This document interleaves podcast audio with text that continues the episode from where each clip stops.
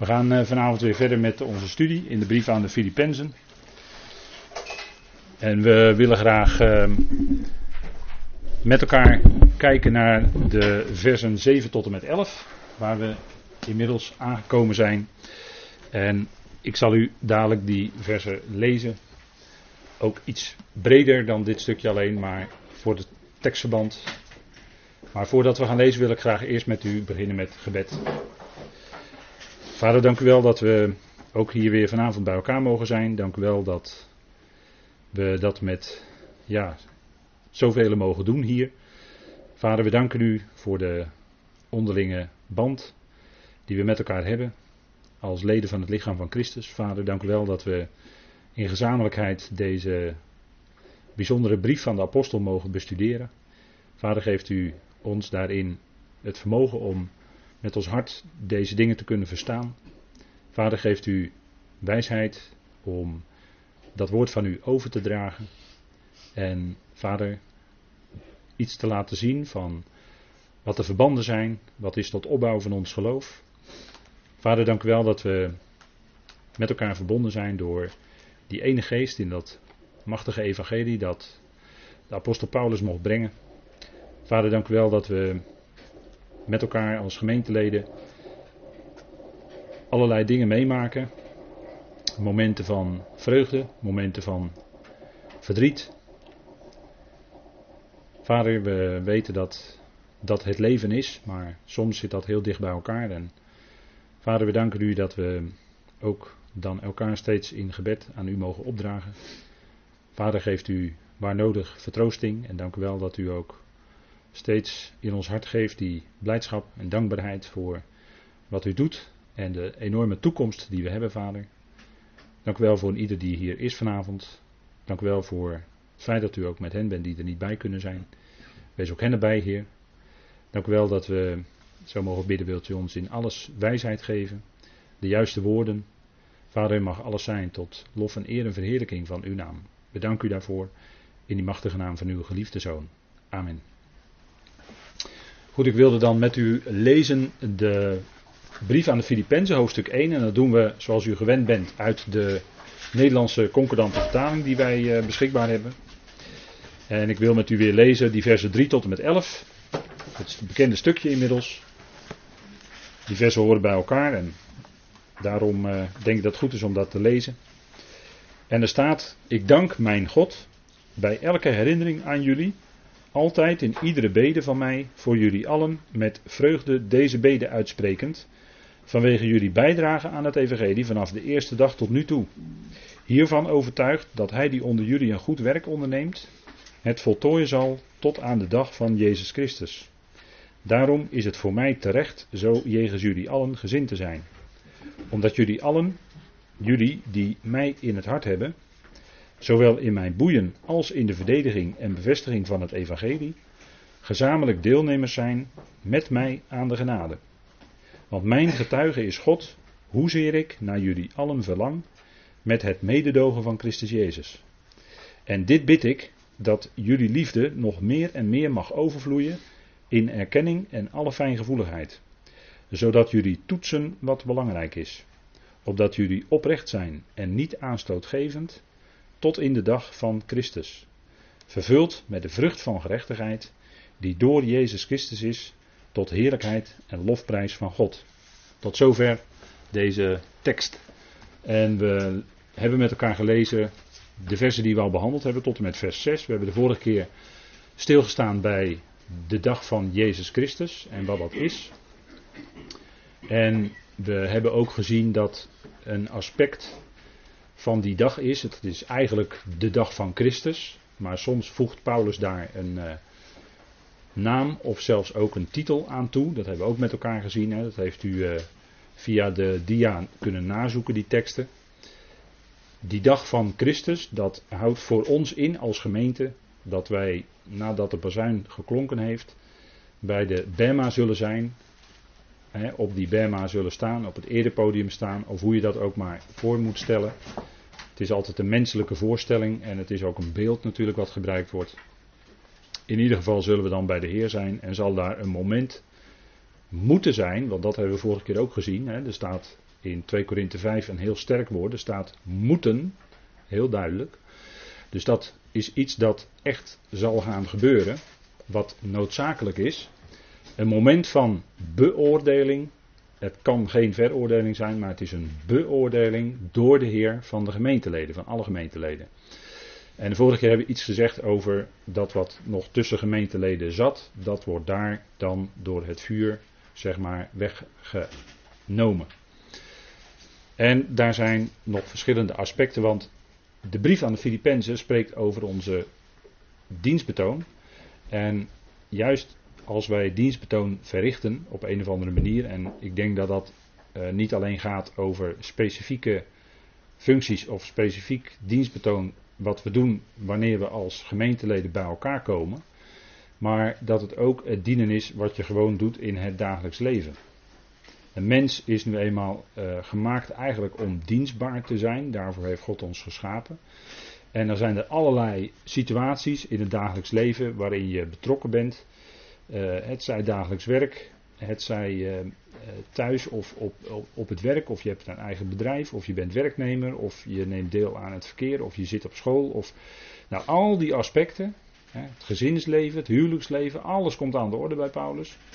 Dat, is, dat zijn allemaal facetten van ons dienstbetoon, ons dienen als mens. En al die aspecten, als je dat bij elkaar optelt, is dat met één woord samen te vatten dienen. En de beoordeling van ons leven als gelovigen komt dan bij die Bema. En daar wil ik toch nog even een paar opmerkingen aan toevoegen. We gaan nog dan heel even kijken naar die dag van de Heer Jezus Christus, zoals die in 1 Korinthe 1 wordt genoemd. We hebben de vorige keer gezien dat je eigenlijk kunt zeggen, het, het is de dag van Christus, de dag waarop Hij als de gezalfde, als de verheerlijkte uh, zichtbaar wordt aan heel de schepping uiteindelijk. Maar in eerste instantie eh, heel sterk op aarde, ook aan de mensen. En ons moment is dan bij de Bema. En dat is uh, niet op aarde, maar dat is elders. Maar Paulus noemt wel aan de Corinthiërs de dag van de Heer Jezus Christus. Dus daar gebruikt hij eigenlijk de naam en de titels van onze Heer voluit. En waarom doet hij dat? Waarom zegt hij dat zo, juist in die Korinthebrief? Nou, je kunt zeggen, als je die Korinthebrieven leest, dat er nogal wat aan te merken was op die Corinthiërs. Paulus had heel wat te zeggen. Het zijn twee lange brieven. En uh, misschien heeft hij nog wel meer geschreven, maar goed, deze twee, daar gaat het om, want die zijn bewaard gebleven in de schrift. En hij had veel op ze aan te merken. Er was veel aan de hand in die gemeente. En daarom gebruikt hij misschien wel, juist om die reden, gebruikt hij wel voluit de Heer Jezus Christus. Want als je die Korinthebrieven gaat lezen, dan ontdek je dat die Corinthiërs, en niets menselijk was hen vreemd en ook ons niet, dus we kunnen ons daarin uh, spiegelen misschien wel.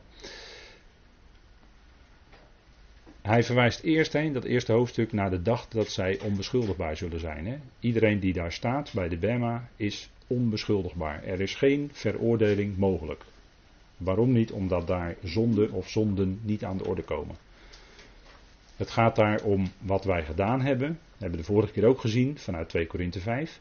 Het zij goed, het zij slecht. Dat wordt daar beoordeeld. Hè? Onze werken, kun je zeggen. Ons dienstbetoon, onze werken. Het gaat daar niet om onze zonden, want dat kan niet. Want wij, wij kunnen niet veroordeeld worden, dat is onmogelijk. Die komen daar niet aan de orde.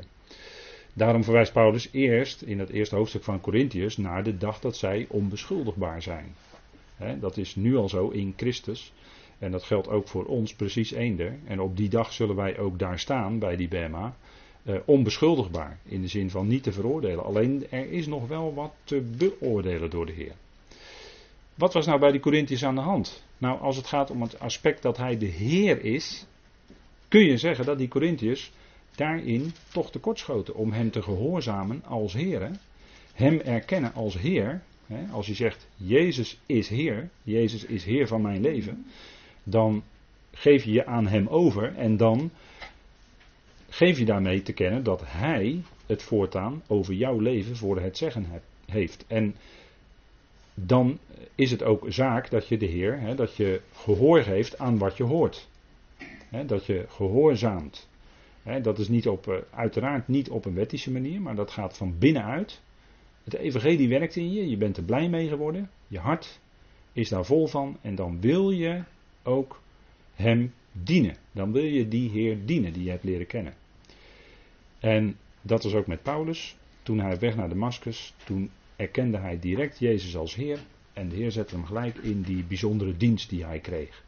En hij, Paulus, gehoorzaamde zijn Heer vanaf dat moment. En dat ging vaak langs hele moeilijke wegen. Ging door een weg van diep lijden. En veel verdrukkingen die hij doormaakte. En dat kwam allemaal op zijn weg, omdat hij zijn weg ging in gehoorzaamheid aan de Heer. En dat is een, een punt, hè. En die Corinthiërs, ja, die, uh, die wilden eigenlijk niet zo, die wilden zich daar wat aan onttrekken. Hè. Die meenden dat zij, uh, die legden de genade ook anders uit. Hè. Die legden genade uit als een uh, middel om dan maar door te kunnen gaan in een losbandig leven. Nou, dat is absoluut niet de bedoeling van de genade. ze faalden om hem te gehoorzamen als Heer. En vandaar dat hij wijst op de Heer Jezus Christus. Ze ontkenden ook een deel van hun redding. Ze, ze, ze, hadden wel die feiten van het Evangelie gehoord van Paulus, maar zij ontkenden in feite in de praktijk het kruis en de opstanding van de Heer Jezus Christus. En daarom moest Paulus eerst met hun beginnen met dat kruis, dat is in die eerste hoofdstukken gelijk aan de orde. En, en ze zouden eigenlijk erkennen dat dat zij samen met de Heer gekruisigd zijn. Het is niet alleen Jezus is gestorven voor mijn zonde, hij werd gekruisigd. En dat kruis maakt een einde aan jouw eigen, ja, eh, wat moet ik zeggen? Jouw eigen ik, die oude mens. Daar maakt het kruis een einde aan. Dat betekent, die oude mens met zijn eigen gedachten, met zijn eigen denken, zijn filosofie, eh, zijn religie enzovoort. Dat is allemaal mee aan het kruis gegaan. En dat, daar wilden die Corinthiërs niet aan. Ze ontkenden in feite de werking van het kruis en ze, kenden, ze ontkenden in feite in de praktijk ook de kracht van de opstanding. En vandaar dat Paulus die twee facetten uitgebreid in die brief ook aan de orde. Uh, God zorgt ervoor dat het in die brief uitgebreid aan de orde komt. En die eerste hoofdstukken spreekt Paulus diepgaand en uitgebreid over dat kruis. En in hoofdstuk 15 spreekt hij uitgebreid over de opstanding. En dat, ja, dat, dat, is juist, dat zijn juist de facetten waar het om draait in het Evangelie. En wat een effect heeft voor ons dagelijks leven. Wat gevolgen heeft voor ons, voor onze levenswandel. dat, dat is vanaf het moment dat we de Heer leren kennen, gaat dat veranderen, gaat ons leven veranderen. Gaat, wordt vernieuwd. En, en pas in de in de tweede Korinthebrief komt Paulus toe aan, uh, uitgebreid aan die nieuwe schepping. Dat zij in Christus een nieuwe schepping zijn. En, en dat, is, ja, dat is toch anders. Dan is dat oude in feite voorbij. Hè? Ze, zijn, ze moesten erkennen dat ze met Christus gestorven zijn. Vijfde hoofdstuk zegt Paulus dat heel duidelijk. Hè? Dan is hij in feite dus nog steeds met die facetten bezig van het evangelie. Dus zij, ze ontkenden in feite een deel van hun redding. En ze gebruikten zijn zalving verkeerd. Hè. We, nemen grote stappen hoor, anders wordt het te uitvoerig. Maar ze gebruikten zijn zalving verkeerd. Hè. Ze waren heel erg bezig met de gaven van de geest. En dat herkennen we ook wel in de christenheid. Men is bezig met de gaven van de geest. Maar dan draai je het om. Want het gaat om de gever. En het gaat allereerst om de vrucht. En het gaat niet zo, eh, die gaven, dat is niet zo belangrijk. Die Corinthiërs waren erg bezig met spreken in tongen. Ze waren erg bezig met uh, profetieën, met lichamelijke genezing. En, en als je die gaven nakijkt in de Korinthebrieven, zijn dat eigenlijk de laagste gaven. Ook nog eens een keer. En daar waren juist de Corinthiërs, daar, daar beroemden ze zich juist op. Dat ze zulke gaven hadden. Herkenbaar hoor, nog steeds in deze tijd. charismatische vernieuwing. Nou, nou, nou, nou, als je dan soms dingen ziet, dan is dat niet het werk van de geest. Als je dingen ziet soms. Is niet werk van de geest hoor, dat kun je als gelovige direct herkennen. Dat zijn hele andere dingen. Dan is men bezig met een hele andere geest. En met een hele andere Jezus. zo, zo, ernstig is dat wel. En u zou eens moeten weten hoeveel mensen zich daar wereldwijd mee bezighouden. En daardoor gegrepen zijn. Het is om heel verdrietig van te worden. Maar die Corinthiërs die gebruikten zijn zalving verkeerd. Het ging er meer om de gaven. En daar, daar, daar pochten ze nog over. Hè? Daar schepten ze tegen elkaar over op. Dat zij dan dus, konden spreken in tongen. Of dat zij dan konden profiteren. Of konden genezen. Dat is helemaal niet waar het om draait. Wat veel belangrijker is, is de vrucht van de geest. Ja, weer de gelaten brief. Hè? Vrucht van de geest. Nou, hè, dat, is, dat is veel, veel belangrijker, die vrucht. En, en als je iets van die vrucht ziet in je leven, dan kun je alleen maar dankbaar zijn dat God dat door zijn geest in je heeft gewerkt. dat is een vrucht die groeit. Dat gaat, niet, uh, dat gaat niet 1, 2, 3 hoor. Je bent niet 1, 2, 3 geduldig. Als mensen heb je allemaal zo'n kort lontje. Kijk maar in het verkeer. Voorbeeld gebruik ik wel vaker. Maar ik vind het wel een goed voorbeeld. Maar gewoon geduld. Geduld hebben. Geduld hebben met broeders en zusters waar je tientallen jaren mee optrekt. Dat is heel wat anders hoor. Dan uh, elkaar even hallo en dag. Uh, Maar dan, dan geduld hebben met elkaar. En dan elkaar dragen in de liefde.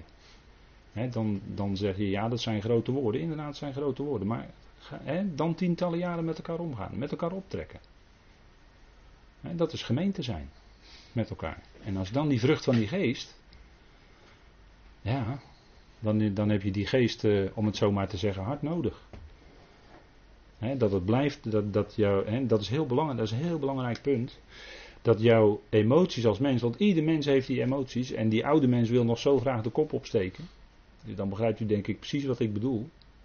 maar het is zaak dat die emoties, dus dat die ziel, onder controle blijft van de geest. Van de geest van God bedoel ik dan. En dat die, die geest, die emoties van de ziel, hè, dat die geest, de, het geestelijke daar bovenuit komt. En dat was natuurlijk bij die Corinthiërs ook heel aan de hand. Hè, dat waren, daar zaten een stel oproerkraaiers tussen. Die hadden eigen groepjes georganiseerd. Die volgden niet uh, unaniem het woord van, van het evangelie van Paulus. Nee, ze hadden eigen groepjes. En uh, ja, die kon het, de een kon het nog mooier zeggen dan de ander. Ik ben van die en ik ben van die. Paulus zegt dus vleeselijk. Jullie zijn nog bezig naar de mens. En het evangelie is helemaal niet naar de mens. maar het eh, is, heel, het is heel belangrijk. Van die Corinthiërs waren dus veel meer bezig met hun eigen emoties. En natuurlijk, ieder mens heeft, ieder mens heeft zijn emoties en daar is helemaal niks mis mee. Dat, is gewoon, dat hoort bij je mens zijn. Alleen, het punt is, bij gelovigen zouden die emoties onder het beslag zijn van het woord, van de geest van God. En zouden daardoor beheerst worden. maar daar waar in gemeentes die emoties wel de, de overhand krijgen, ja, daar krijg je op uh, gemeentelijke bijeenkomsten de groot mogelijke ruzies en lopen ze kwaad weg. En uh, als je niet uitkijkt, slaan ze elkaar nog letterlijk ook. Dat gebeurt allemaal hoor, in, in de, in in, uh, gelovige wereld. Van, in Nederland praat ik dan over, heel beperkt, hè, nee, ons kleine Nederlandje. Dat soort dingen gebeurt gewoon allemaal hoor dan, dan, moeten er gemeentelijke vergaderingen komen, democratisch, inspraak, dat soort dingen, weet u wel. Nou, dan zijn, ben je precies bezig naar de mens, want dat hoor je in de wereld ook overal om je heen. dan, dan, als een gemeente een beslissing neemt, dan, wordt er een zaaltje en dan komen de mensen daar, die mogen dan protesteren tegen die beslissing enzovoort. dan gaat men ook tekeer als een gek. Nou, dat doen gelovigen ook onderling. Dan zijn ze eigenlijk niks anders dan de wereld hebben ze op dat moment niet door. Maar ze zijn dan niet verder dan de wereld. Eigenlijk een beschamende vertoning dan. Beschamend. als het zover moet komen. dat speelde allemaal bij die Corinthiërs. Ik denk dat die brieven natuurlijk niet voor niks geschreven zijn. Opdat wij daaruit zouden leren. Ons tot voorbeeld geschreven. opdat we zouden leren van die geschiedenis. Van al wat Paulus daar schrijft. en, en dan kunnen we daarvoor bidden en ons gedrag daarop aanpassen. En daarom verwijst Paulus naar de dag van de Heer Jezus Christus. Hè. Vandaar dat hij die, die naam, en, naam en titels vol uitzegt. Hè. Heer Jezus Christus. Ik denk dat dat, over die dingen uh, kun je nadenken van waarom zegt hij dat dan zo? Nou, dit zijn de aspecten die naar voren komen. Paulus zegt er ook nog iets over, over die Bema in het vierde hoofdstuk van de Korinthebrief, van de eerste Korinthebrief. En kijk, die Corinthiërs, die waren, we hebben het regelmatig over die relatie tussen Paulus en de Corinthiërs. En waarom? Dat, omdat het heel erg leerzaam is. Daar kunnen we veel lering uittrekken. Daar kunnen we onze winst mee doen. Paulus, die werd nogal beoordeeld door die Corinthiërs. Hè? Ik zou bijna zeggen veroordeeld, maar nog net niet misschien. Maar hij werd wel beoordeeld. Ze hadden zo'n beetje op alles wat hij deed, hadden ze kritiek. Hè? En dan zegt Paulus in 1 Korinthe 4. En dan gaat hij toe naar die Bema. Maar het betekent zeer weinig voor mij dat ik door jullie beoordeeld word. Of door een menselijke dag. we hebben al gezien dat het woord dag, dat heeft te maken met licht. Dus datgene waar licht op valt, dat wordt, valt dan gelijk in een beoordeling. Het licht valt erop, het wordt beoordeeld. En dan zegt Paulus, ja, ik beoordeel ook mijzelf niet. En waarom zegt hij dat nou zo? Tegenwoordig zeggen we dan in bedrijfsleven, je moet elkaar feedback geven. Weet u wel? Een mooi Engelse term weer, feedback. Maar dat is, eh, je, moet, je moet elkaar in woorden moet je teruggeven of wijzen op verkeerd gedrag en dat soort dingen. Dat is zo ongeveer wat feedback betekent. En nou, dat deden die Corinthiërs ook richting Paulus, om het zo maar te zeggen. Elkaar feedback geven. Um, maar Paulus zegt dan, ja, ik beoordeel ook mijzelf niet. En, en deze dingen zegt hij als hij iets gaat zeggen over de Bema. Want alle dienstbetoon wat hij deed, dat was voor Paulus heel bewust dat hij daarbij rekening hield met die Bema. Met dat erepodium wat zou komen. En ik denk dat wij dat misschien soms wel eens wat vergeten in de praktijk. Van dat dat Bema moment komt. Hij zegt dan, want ik ben mij van niets bewust. Dat woord heeft, ja, die, die formulering heeft te maken met zijn geweten. voor zijn geweten had hij alles correct gedaan. Wil hij zo correct mogelijk optreden. Alleen, hij zegt dan, hierin ben ik niet gerechtvaardigd.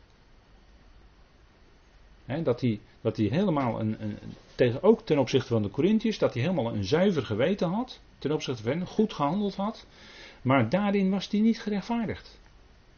En waarom zegt hij dat nou zo? Nou, kijk, Paulus rechtvaardigde zichzelf niet. Hij werd door die Corinthiërs voortdurend aangevallen. En dat was ten onrechte. En dat kwam omdat de Corinthiërs niet al zijn motieven kenden.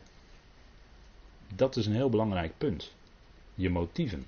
De motieven van je hart. Die zijn voor andere gelovigen niet altijd zichtbaar. En soms kun je dat ook niet zeggen. En soms is het ook onmogelijk om als er iets gezegd wordt over iemand anders, of er wordt gelasterd of wat dan ook. Soms is het onmogelijk om dat allemaal recht te kunnen leggen. Want dan moet je zoveel overhoop gaan halen. En wat doe je dan? Dan zwijg je. Dan zeg je niks. En dan laat je het over aan het moment van de Bema.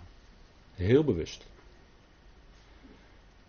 En Paulus die had heel wat dingen die hij om redenen dat hij zichzelf niet wilde rechtvaardigen. Hè?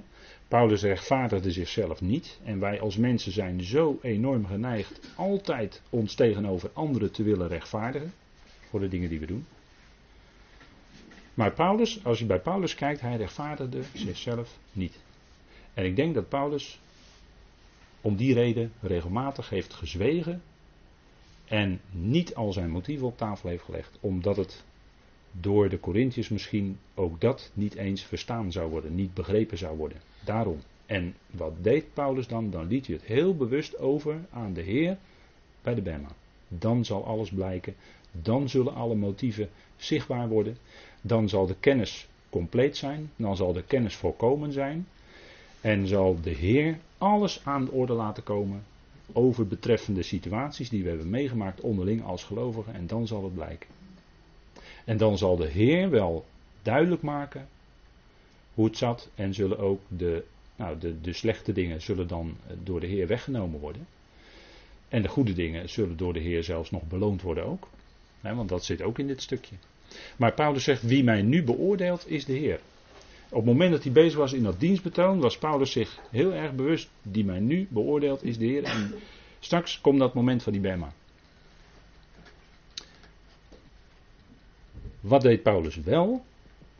Hij verdedigde als het evangelie werd aangevallen. Hij rechtvaardigde zichzelf niet, dat is, dat is het één punt. Maar een heel ander punt is dat hij zich niet verdedigde, dat hij, niet, uh, dat hij wel verdedigde als het evangelie werd aangevallen. Want daarvoor was hij gesteld. Dat doet hij onder andere in de brief aan de gelaten. En heel fel en terecht. Want het fundament van het evangelie werd bij de gelaten aangetast, hè, de genade. En dat hebben we met de besprekingen van de gelaten brief ook uitgebreid met elkaar gezien. Dat Paulus aan alle kanten liet zien hoe het zit met die genade. En het enorme verschil tussen een leefklimaat van genade en een leefklimaat van wetticisme. Dat is zo'n enorm verschil. En zo belangrijk dat we als gelovigen in die genade blijven staan. In die vrijheid in Christus blijven. Dat is zo ongelooflijk belangrijk. Daar verdedigt hij dus wel, hè. Maar dat, dan gaat het ook om het evangelie. Als dat wordt aangevallen, ja, dan gaat hij enorm fel en laat hij alle argumenten zien. Maar het is een heel belangrijk punt. Omdat wij ook als gelovigen, en misschien wel juist als gelovigen, zijn heel erg geneigd om ons zelf ten opzichte van anderen te willen rechtvaardigen. En denk hier eens goed over na, zou ik zeggen. Neem dit mee. Hoe deed Paulus dat dan? Want Paulus zegt dan: richt daarom niets voor de era. Dat is een bepaald tijdsgevricht, kan kort zijn en wat langer zijn. Totdat de Heer zou komen. Dus wacht nou af met jouw oordeel over iemand. Of jouw beoordeling. Heb je misschien wel gedacht over. En heb je iets in je hart.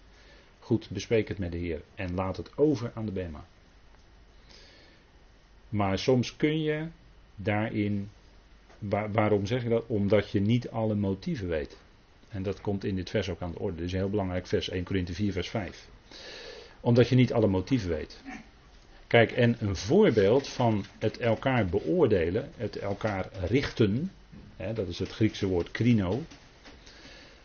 Dat vinden wij bijvoorbeeld in Romeinen 14. En dat is een heel bekend hoofdstuk, dat weet u wel, daar gaat het over sterk en zwak in het geloof. En daar wordt dat woord richten maar liefst vier keer gebruikt. En dat vond ik wel een goed voorbeeld eigenlijk van hoe dat dan werkt in de praktijk en wat Paulus dan laat zien. Even met elkaar opzoeken. Even die teksten met elkaar bekijken.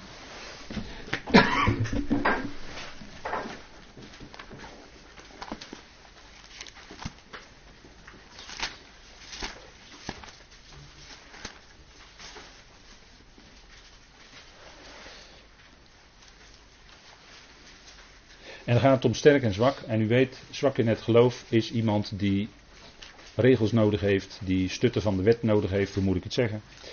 Die zich houdt aan bepaalde dagen, die zich onthoudt van bepaald voedsel, bijvoorbeeld vlees waar bloed in zit en dat soort dingen, bloedworst. Eh, en, en eh, nou, laat maar gelijk eh, even duidelijk zijn daarin. Hè. En of iemand die bepaalde dag houdt, hè, die een bepaalde dag in de week als rustdag houdt, het zij de zaterdag, het zij de zondag. Hè. Um, dat is eigenlijk iemand, volgens dit stukje in Romeinen 14, iemand die zwak is in het geloof, want die houdt zich aan bepaalde. En degene die sterk is, die leeft voluit elke dag met de Heer in genade. En niet gezegd dat de ander dat niet doet, maar die overtuiging is dan anders. Hè? En dan staat er in vers 3: Wie alles eet, wie wel alles eet, moet hem niet minachten die niet alles eet. Dus die sterke zou die zwakke niet minachten. Dat is het punt. En wie niet alles eet, moet hem niet oordelen die alles eet. God immers heeft hem aanvaard. Dus hier gaat het erom dat die zwakke geneigd is om die sterke te oordelen, te richten. Omdat die zwakke daar moeite mee heeft. Misschien wel vanuit een opvoeding, geweten, wat daardoor gevormd is enzovoort. Dus die zwakke zou die sterke niet richten. En dan in vers 4 wordt het woord ook gebruikt. En dan gaat Paulus nog wat scherper. Want wie bent u dat u de huislaaf van een ander oordeelt? Weer dat woord oordelen, hè, krino. Of hij staat of valt, gaat zijn eigen Heer aan. Dus hou je nou terug van een oordeel over iemand, van het beoordelen van iemand. Want Paulus zegt het direct achteraan. Hij zal echter staande gehouden worden, want God is bij macht hem staande te houden. Dat is het punt. En die zwakke die denkt misschien wel van die sterke van nou dat, dat gaat niet goed hoor. En uh, van die andere dat gaat niet goed. En die gaat dat beoordelen. Die gaat misschien wel vermanen. En, en uh, naar die persoon toe. En je doet het niet goed. En je moet je er ook, ook aan die dingen houden enzovoort. Dat, dat zou zo'n zwakke zomaar kunnen doen hè. Terwijl Paulus dan hier aangeeft van joh. Die ander die zal door de Heer staande gehouden worden. Het zal wel blijken. En dat zegt Paulus dan eigenlijk ook hier met het oog op de Bema. Want het blijkt uit die versen 10 tot en met 13. in vers 10 vat hij het nog even samen wat hij in het vorige stuk uitgebreid heeft besproken. Daar zegt hij: U echter, wat oordeelt u uw broeder? wat richt jij je broeder? Of ook wat minacht jij je broeder? Dus hier worden zowel de sterke als de zwakke door Paulus aangesproken. En dan zegt hij: Wij zullen toch allen, of we nu in het geloof sterk of zwak zijn geweest, voor de Bema van Christus gesteld worden. Zie je? Dus weer met het oog op de Bema. Daar is hij in 1 Corinthe 4 ook mee bezig. En dan in vers 13 nog een keer dat woord richten. En dan zegt hij: Laten wij dan niet langer elkaar richten of oordelen. Deze vertaling die ik hier heb. Maar oordeel liever dit, de broeder, geen aanstoot of oorzaak tot struikelen te geven. Leg voor die broeder nou geen, of voor die zuster, nou geen struikelblok neer of geen, uh, trek geen valstrik. Leg geen valstrik neer voor die ander. Maar laat dat oordelen, dat beoordelen, laat dat nou over aan het moment van de Bema, de dag van Christus. Dat zegt hij eigenlijk. Nou, ik denk dat dat ook Romeinen 10, even met die achtergrond van wat je wel of niet eet, of je nu wel of geen bepaalde dag houdt, tegen die achtergrond, hè, sterk en zwak in het geloof, laat het allemaal over het elkaar beoordelen of het elkaar eh, zeker niet minachten, maar laat het over aan de Bema, laat het over aan die dag. En da dat vraagt natuurlijk geduld. Hebben we het weer, hè? Geduld. Dus je onthoudt je van het oordelen of beoordelen van de ander. En misschien heb je voor jezelf persoonlijk wel bepaalde gedachten en die kun je met de Heer bespreken. Bespreek dat met de Heer. Maar ga dat niet met allerlei andere mensen bespreken van zo moet je nou eens kijken die en die en moet je eens kijken wat die en die doet op die dag en uh, nou op die dag hou ik rust en uh, die moet je kijken wat die allemaal eet, nou dat eet ik niet en nou noem maar op hè, u weet hoe dat gaat. Maar Paulus zegt, hou je nou daarvan terug. Van dat soort dingen. Want je zaait alleen maar onrust. En, en, en, het heeft allemaal gevolgen. Het heeft allemaal effecten.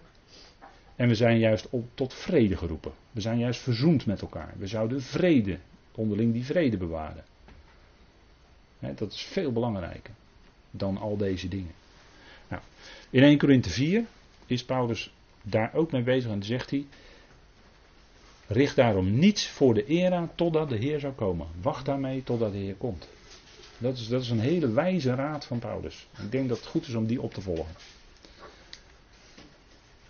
Kijk, want wat komt bij de BEM aan de orde? De motieven, de beweegredenen. Dat is heel belangrijk. Wij kijken naar wat iemand doet. wat ik net zei, zoals we dat onder elkaar kunnen zeggen tegen elkaar. Dan kijken wij heel erg naar wat iemand doet of juist niet doet. Maar weet je alle motieven? Weet je alle aspecten die een rol spelen bij het gedrag van iemand? Waarom iemand wel iets doet of waarom iemand niet iets doet? Nee, dat weet je niet. De vraag stellen is een beantwoorden. Je kent alle motieven en beweegredenen niet. En daarom denk ik dat het vaak. Hè, Spreuken is niet voor niks eh, een geweldig boek in de Bijbel. Hè, maar Spreuken zegt. Spreken is zilver en zwijgen is goud hoor. Ik denk dat het toch een hele goede stelregel is onder gelovigen. want kijk, wat gebeurt bij de Bema is, hij zal ook wat in de duisternis verborgen is. wat, dus wij, wat zich dus aan onze waarneming onttrekt, aan het licht brengen. dus heb je het weer, hè? licht. Het is de dag dan van Christus. En de bedoelingen van de harten openbaar maken. He, daar staat het woord boule in het meervoud. de bedoelingen van de harten. Dus de motieven, de beweegredenen. Wat bedoelde die ander nou? Kijk niet alleen wat die ander nou gedaan heeft of wat die ander niet gedaan heeft. Nee, denk iets verder. Wat bedoelt die ander dan? Wat zouden die beweegredenen kunnen zijn? Ga er nou in wijsheid mee om. En, en dat is een heel belangrijk punt. Hè? En dan zal de Heer het laten zien. Hè? Dat openbaar maken is, is doen verschijnen. En dat, dat zal dus dan daar blijken. Dat zal daar allemaal aan Dan zullen we dat allemaal gaan zien. En dan zullen we dat, die beoordeling door de Heer ook zeker kunnen verdragen, omdat we daar in een verheerlijk lichaam staan. een gebouw uit God, hè? 2 Korinthe 5. Een gebouw uit God. Een verheerlijk lichaam. Ja, dat is, dat is zoiets fantastisch, wat we dan zullen, onvoorstelbaar. Maar dan zullen we ook die beoordeling door de Heer kunnen dragen en verdragen. Zullen we alleen maar heel blij en dankbaar zijn. Dat al dat wat nu nog tussen gelovigen zit, dat dat dan weggedaan wordt in ieder geval. Voor zover dat nu niet heeft gekund op aarde, dan zal het daar zeker gebeuren. Daar kunnen we zeker van zijn. En daar zijn we dan alleen maar blij mee.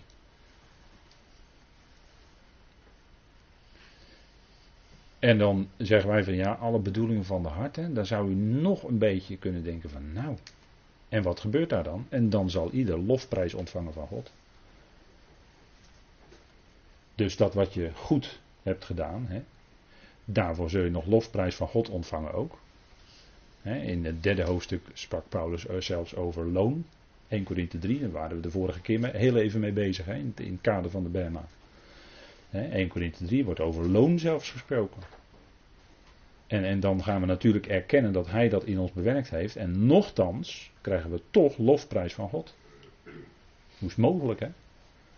Allereerst, hoe is het mogelijk dat Hij ons wil gebruiken in zijn dienst? Daar sta je ook elke keer verbaasd over. Heer, dat u mij wil gebruiken, hoe is het mogelijk? En dan, dan ben je helemaal verbaasd dat je dan ook nog lofprijs krijgt. Voor dat wat Hij in jou bewerkt heeft. En misschien ben je nog zo van nou, dat je denkt van jezelf van nou, ik had al wel heel voor elkaar boksen hoor. Ik ben goed daarin, ik ben goed daarin, dat heb ik goed kunnen benutten in de gemeente enzovoort. Hè. Nou, zolang je niet erkent dat, dat alles wat jij kan, dat dat van God gekregen is, zolang je dat niet erkent, zou je het zeker bij de Berma gaan herkennen. Maar dan zal ieder lofprijs ontvangen van God. Nou, wat is nou een bijzonder moment, denk ik.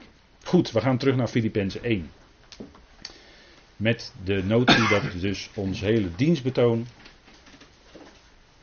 tijdens ons hele geloofsleven, dat dat bij die Bema beoordeeld wordt. En Paulus spreekt daar best wel vaker over dan wij denken. Dus dat is een belangrijk punt. Keren we even terug naar Filippenzen hoofdstuk 1.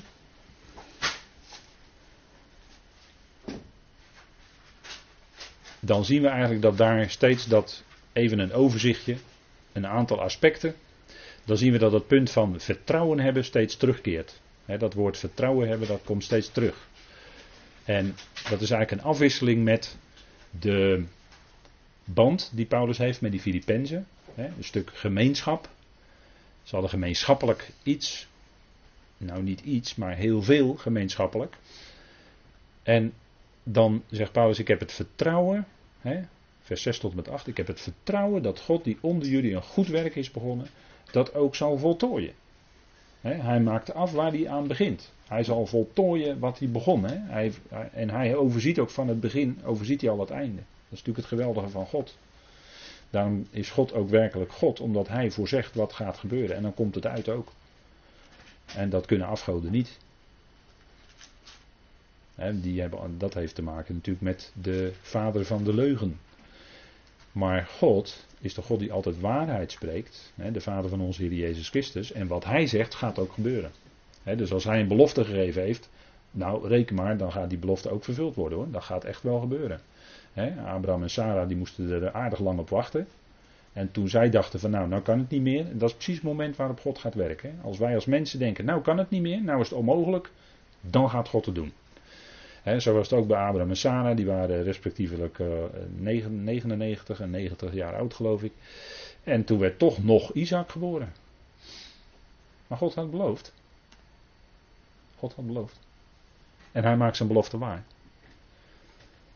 Ja, en toen was het natuurlijk uh, lachen, hè, Isaac.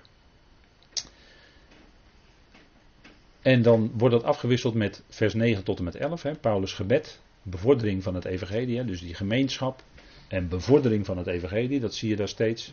En dan vers 12 tot en met 18, het vertrouwen. Hij was in boeien en er waren zelfs predikers die proberen met hun manier van prediken Paulus nog meer in het nauw te drijven. Maar Paulus had nogthans het vertrouwen dat er ook waren die juist in het gebonden zijn van Paulus meer vrijmoedigheid kregen om zijn evangelie te verkondigen. Nou, dat is geweldig hè. Zoals God dat dan uitwerkt. Gaan we nog zien. Dat is een heel bijzonder stukje is dat, 12 tot met 18. En dan ook het gebed van de Filippenzen. Hè. Dus Paulus bidt voor hen, maar die Filippenzen bidden ook voor Paulus. Dat is weer die gemeenschap, hè? dat ze voor elkaar bidden. Dat is eigenlijk geweldig. En dat is waar je als gelovige onderling op altijd, altijd op eh, kan vertrouwen, dat, dat je voor elkaar kan bidden. Hè? Elkaar kan dragen in dat gebed. Dat is heel fijn. Paulus zegt ook, bid voor mij. Hè? Dat hij vrijmoedigheid mag hebben om het evangelie te verkondigen. En dat woord vrijmoedigheid, dat is heel belangrijk. Dat betekent namelijk alles kunnen zeggen. Alles zeggen. He, paresia in het Grieks. Alles kunnen zeggen. alles kunnen uitspreken. En daarvoor bidt hij, daarvoor vraagt hij zelfs gebed dat hij vrijmoedigheid mag hebben. Dat is belangrijk hoor, dat is heel belangrijk. Anders zou hij niet, niet daarvoor om gebed vragen. en dat deden die Filippenzen ook voor hem. Dat is, dat is het belangrijkste. Hè? Ze, ze, gaven hem bijdragen, materieel, maar wat Paulus veel belangrijker vond, is dat ze voor hem dat gebed hadden. En die smeking en die dank. En dan komt het laatste weer, het vertrouwen hebben. Vers 22 tot en met 26 gaat het ook weer over die tegenstand. Je ziet steeds die afwisseling tussen dat hij bezig is met de bevordering van het evangelie, tegenstand. Maar die, die Filippenzen, daar had hij een hele bijzondere band mee. Dat was bijzonder. Wat hij dan in dit, dit eerste hoofdstuk allemaal daarover al zegt.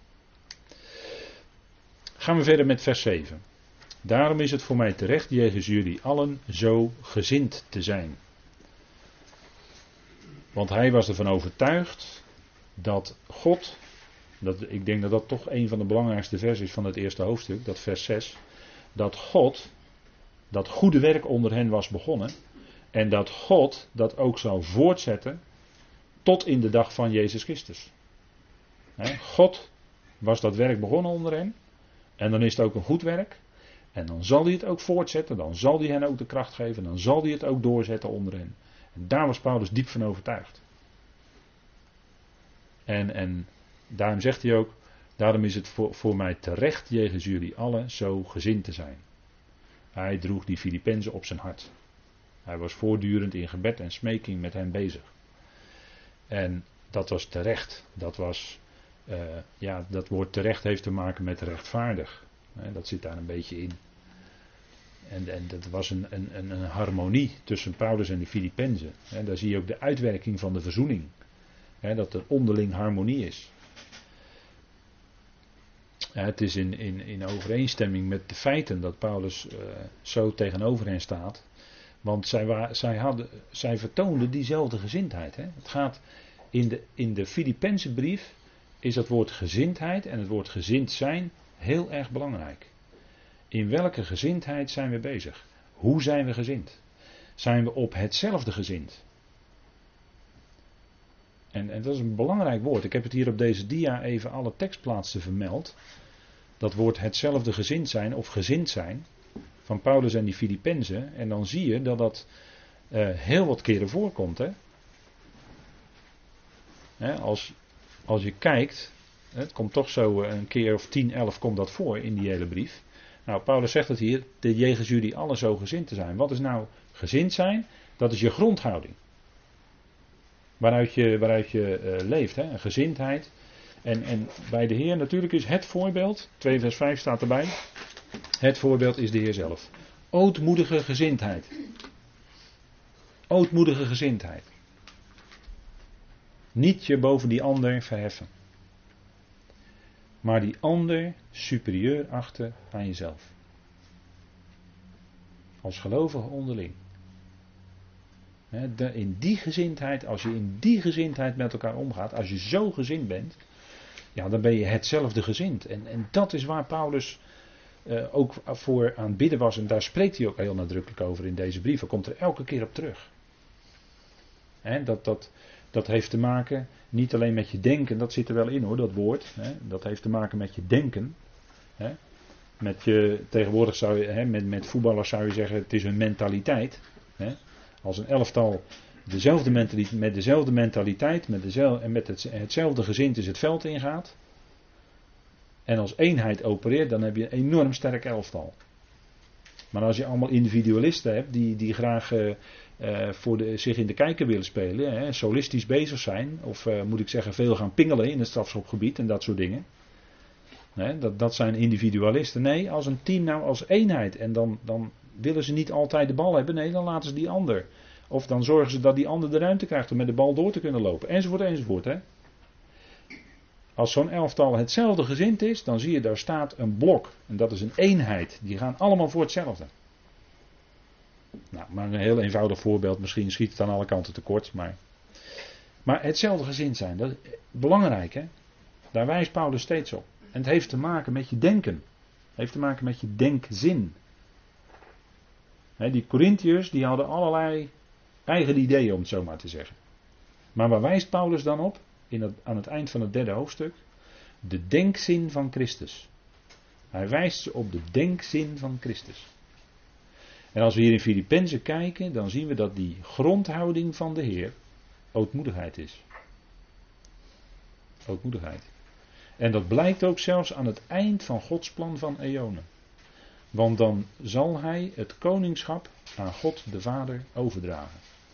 Dat is ootmoedigheid hoor. Dat is ootmoedigheid. Dan is hij de hoogste Heer van het heelal. Hè? Allen moeten voor hem buigen. Alle knie buigt voor hem. Nou, dan heb je een enorm hoge positie.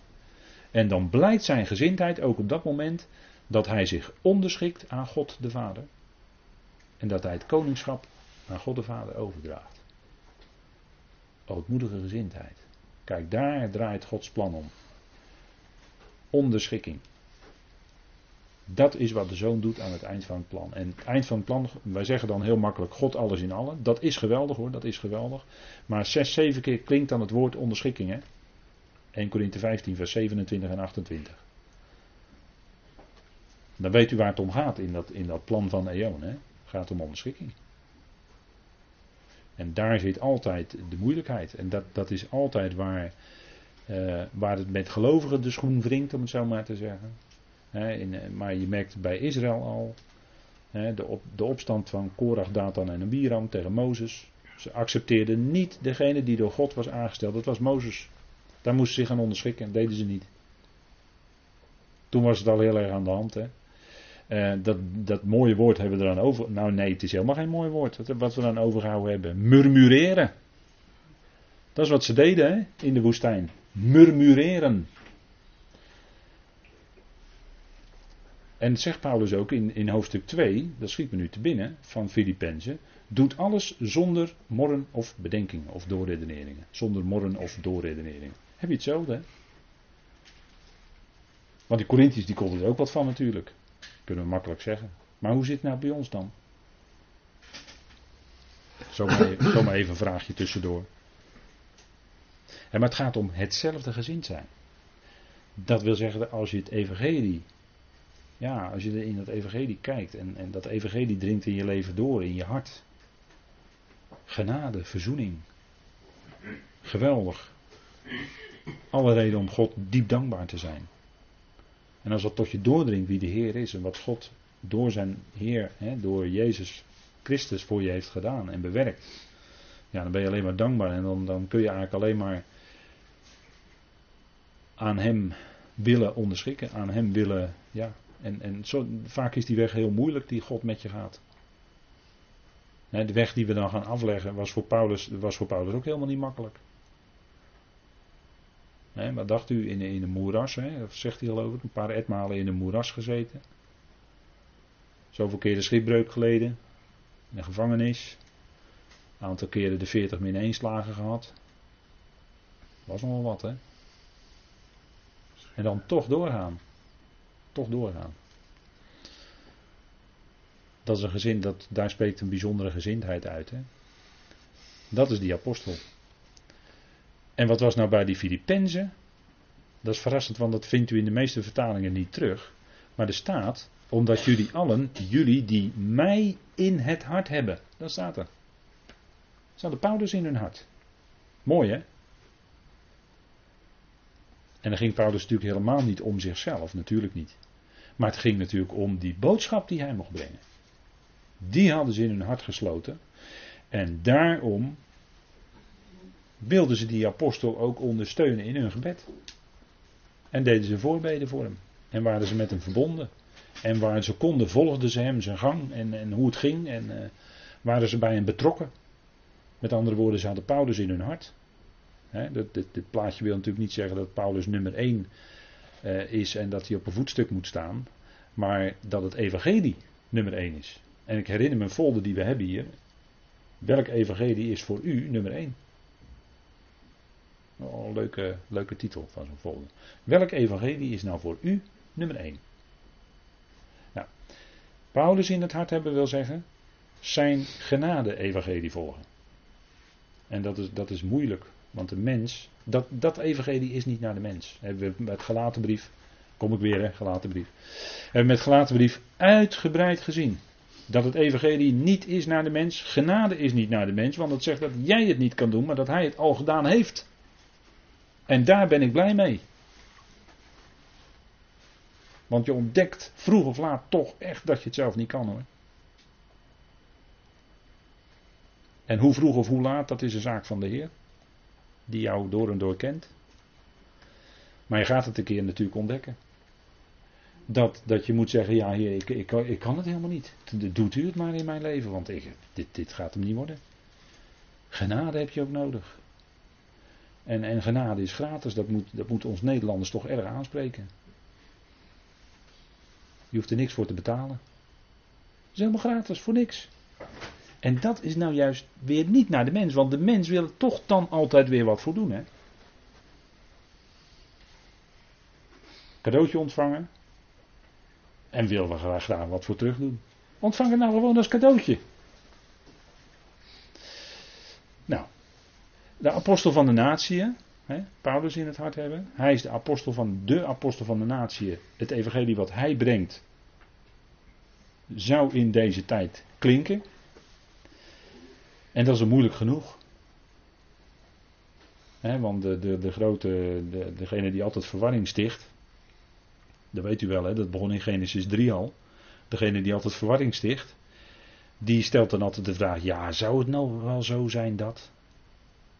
Zou dat nou wel alleen gaan om Paulus? Er zijn toch ook andere apostelen en die zeggen toch ook mooie dingen? Ja, zeker, die zeggen ook mooie dingen. Alleen het is net voor een andere tijd bedoeld. En niet voor nu. En Paulus is voor nu. Apostel van de natie. Geheimenissen die hij mocht ontsluiten, die mocht hij bekendmaken, specifiek. Hij als apostel mocht hij bekendmaken. Het is wat. Maar als je dat gaat leren kennen, dan, dan word je zo rijk, dan wil je niks anders meer.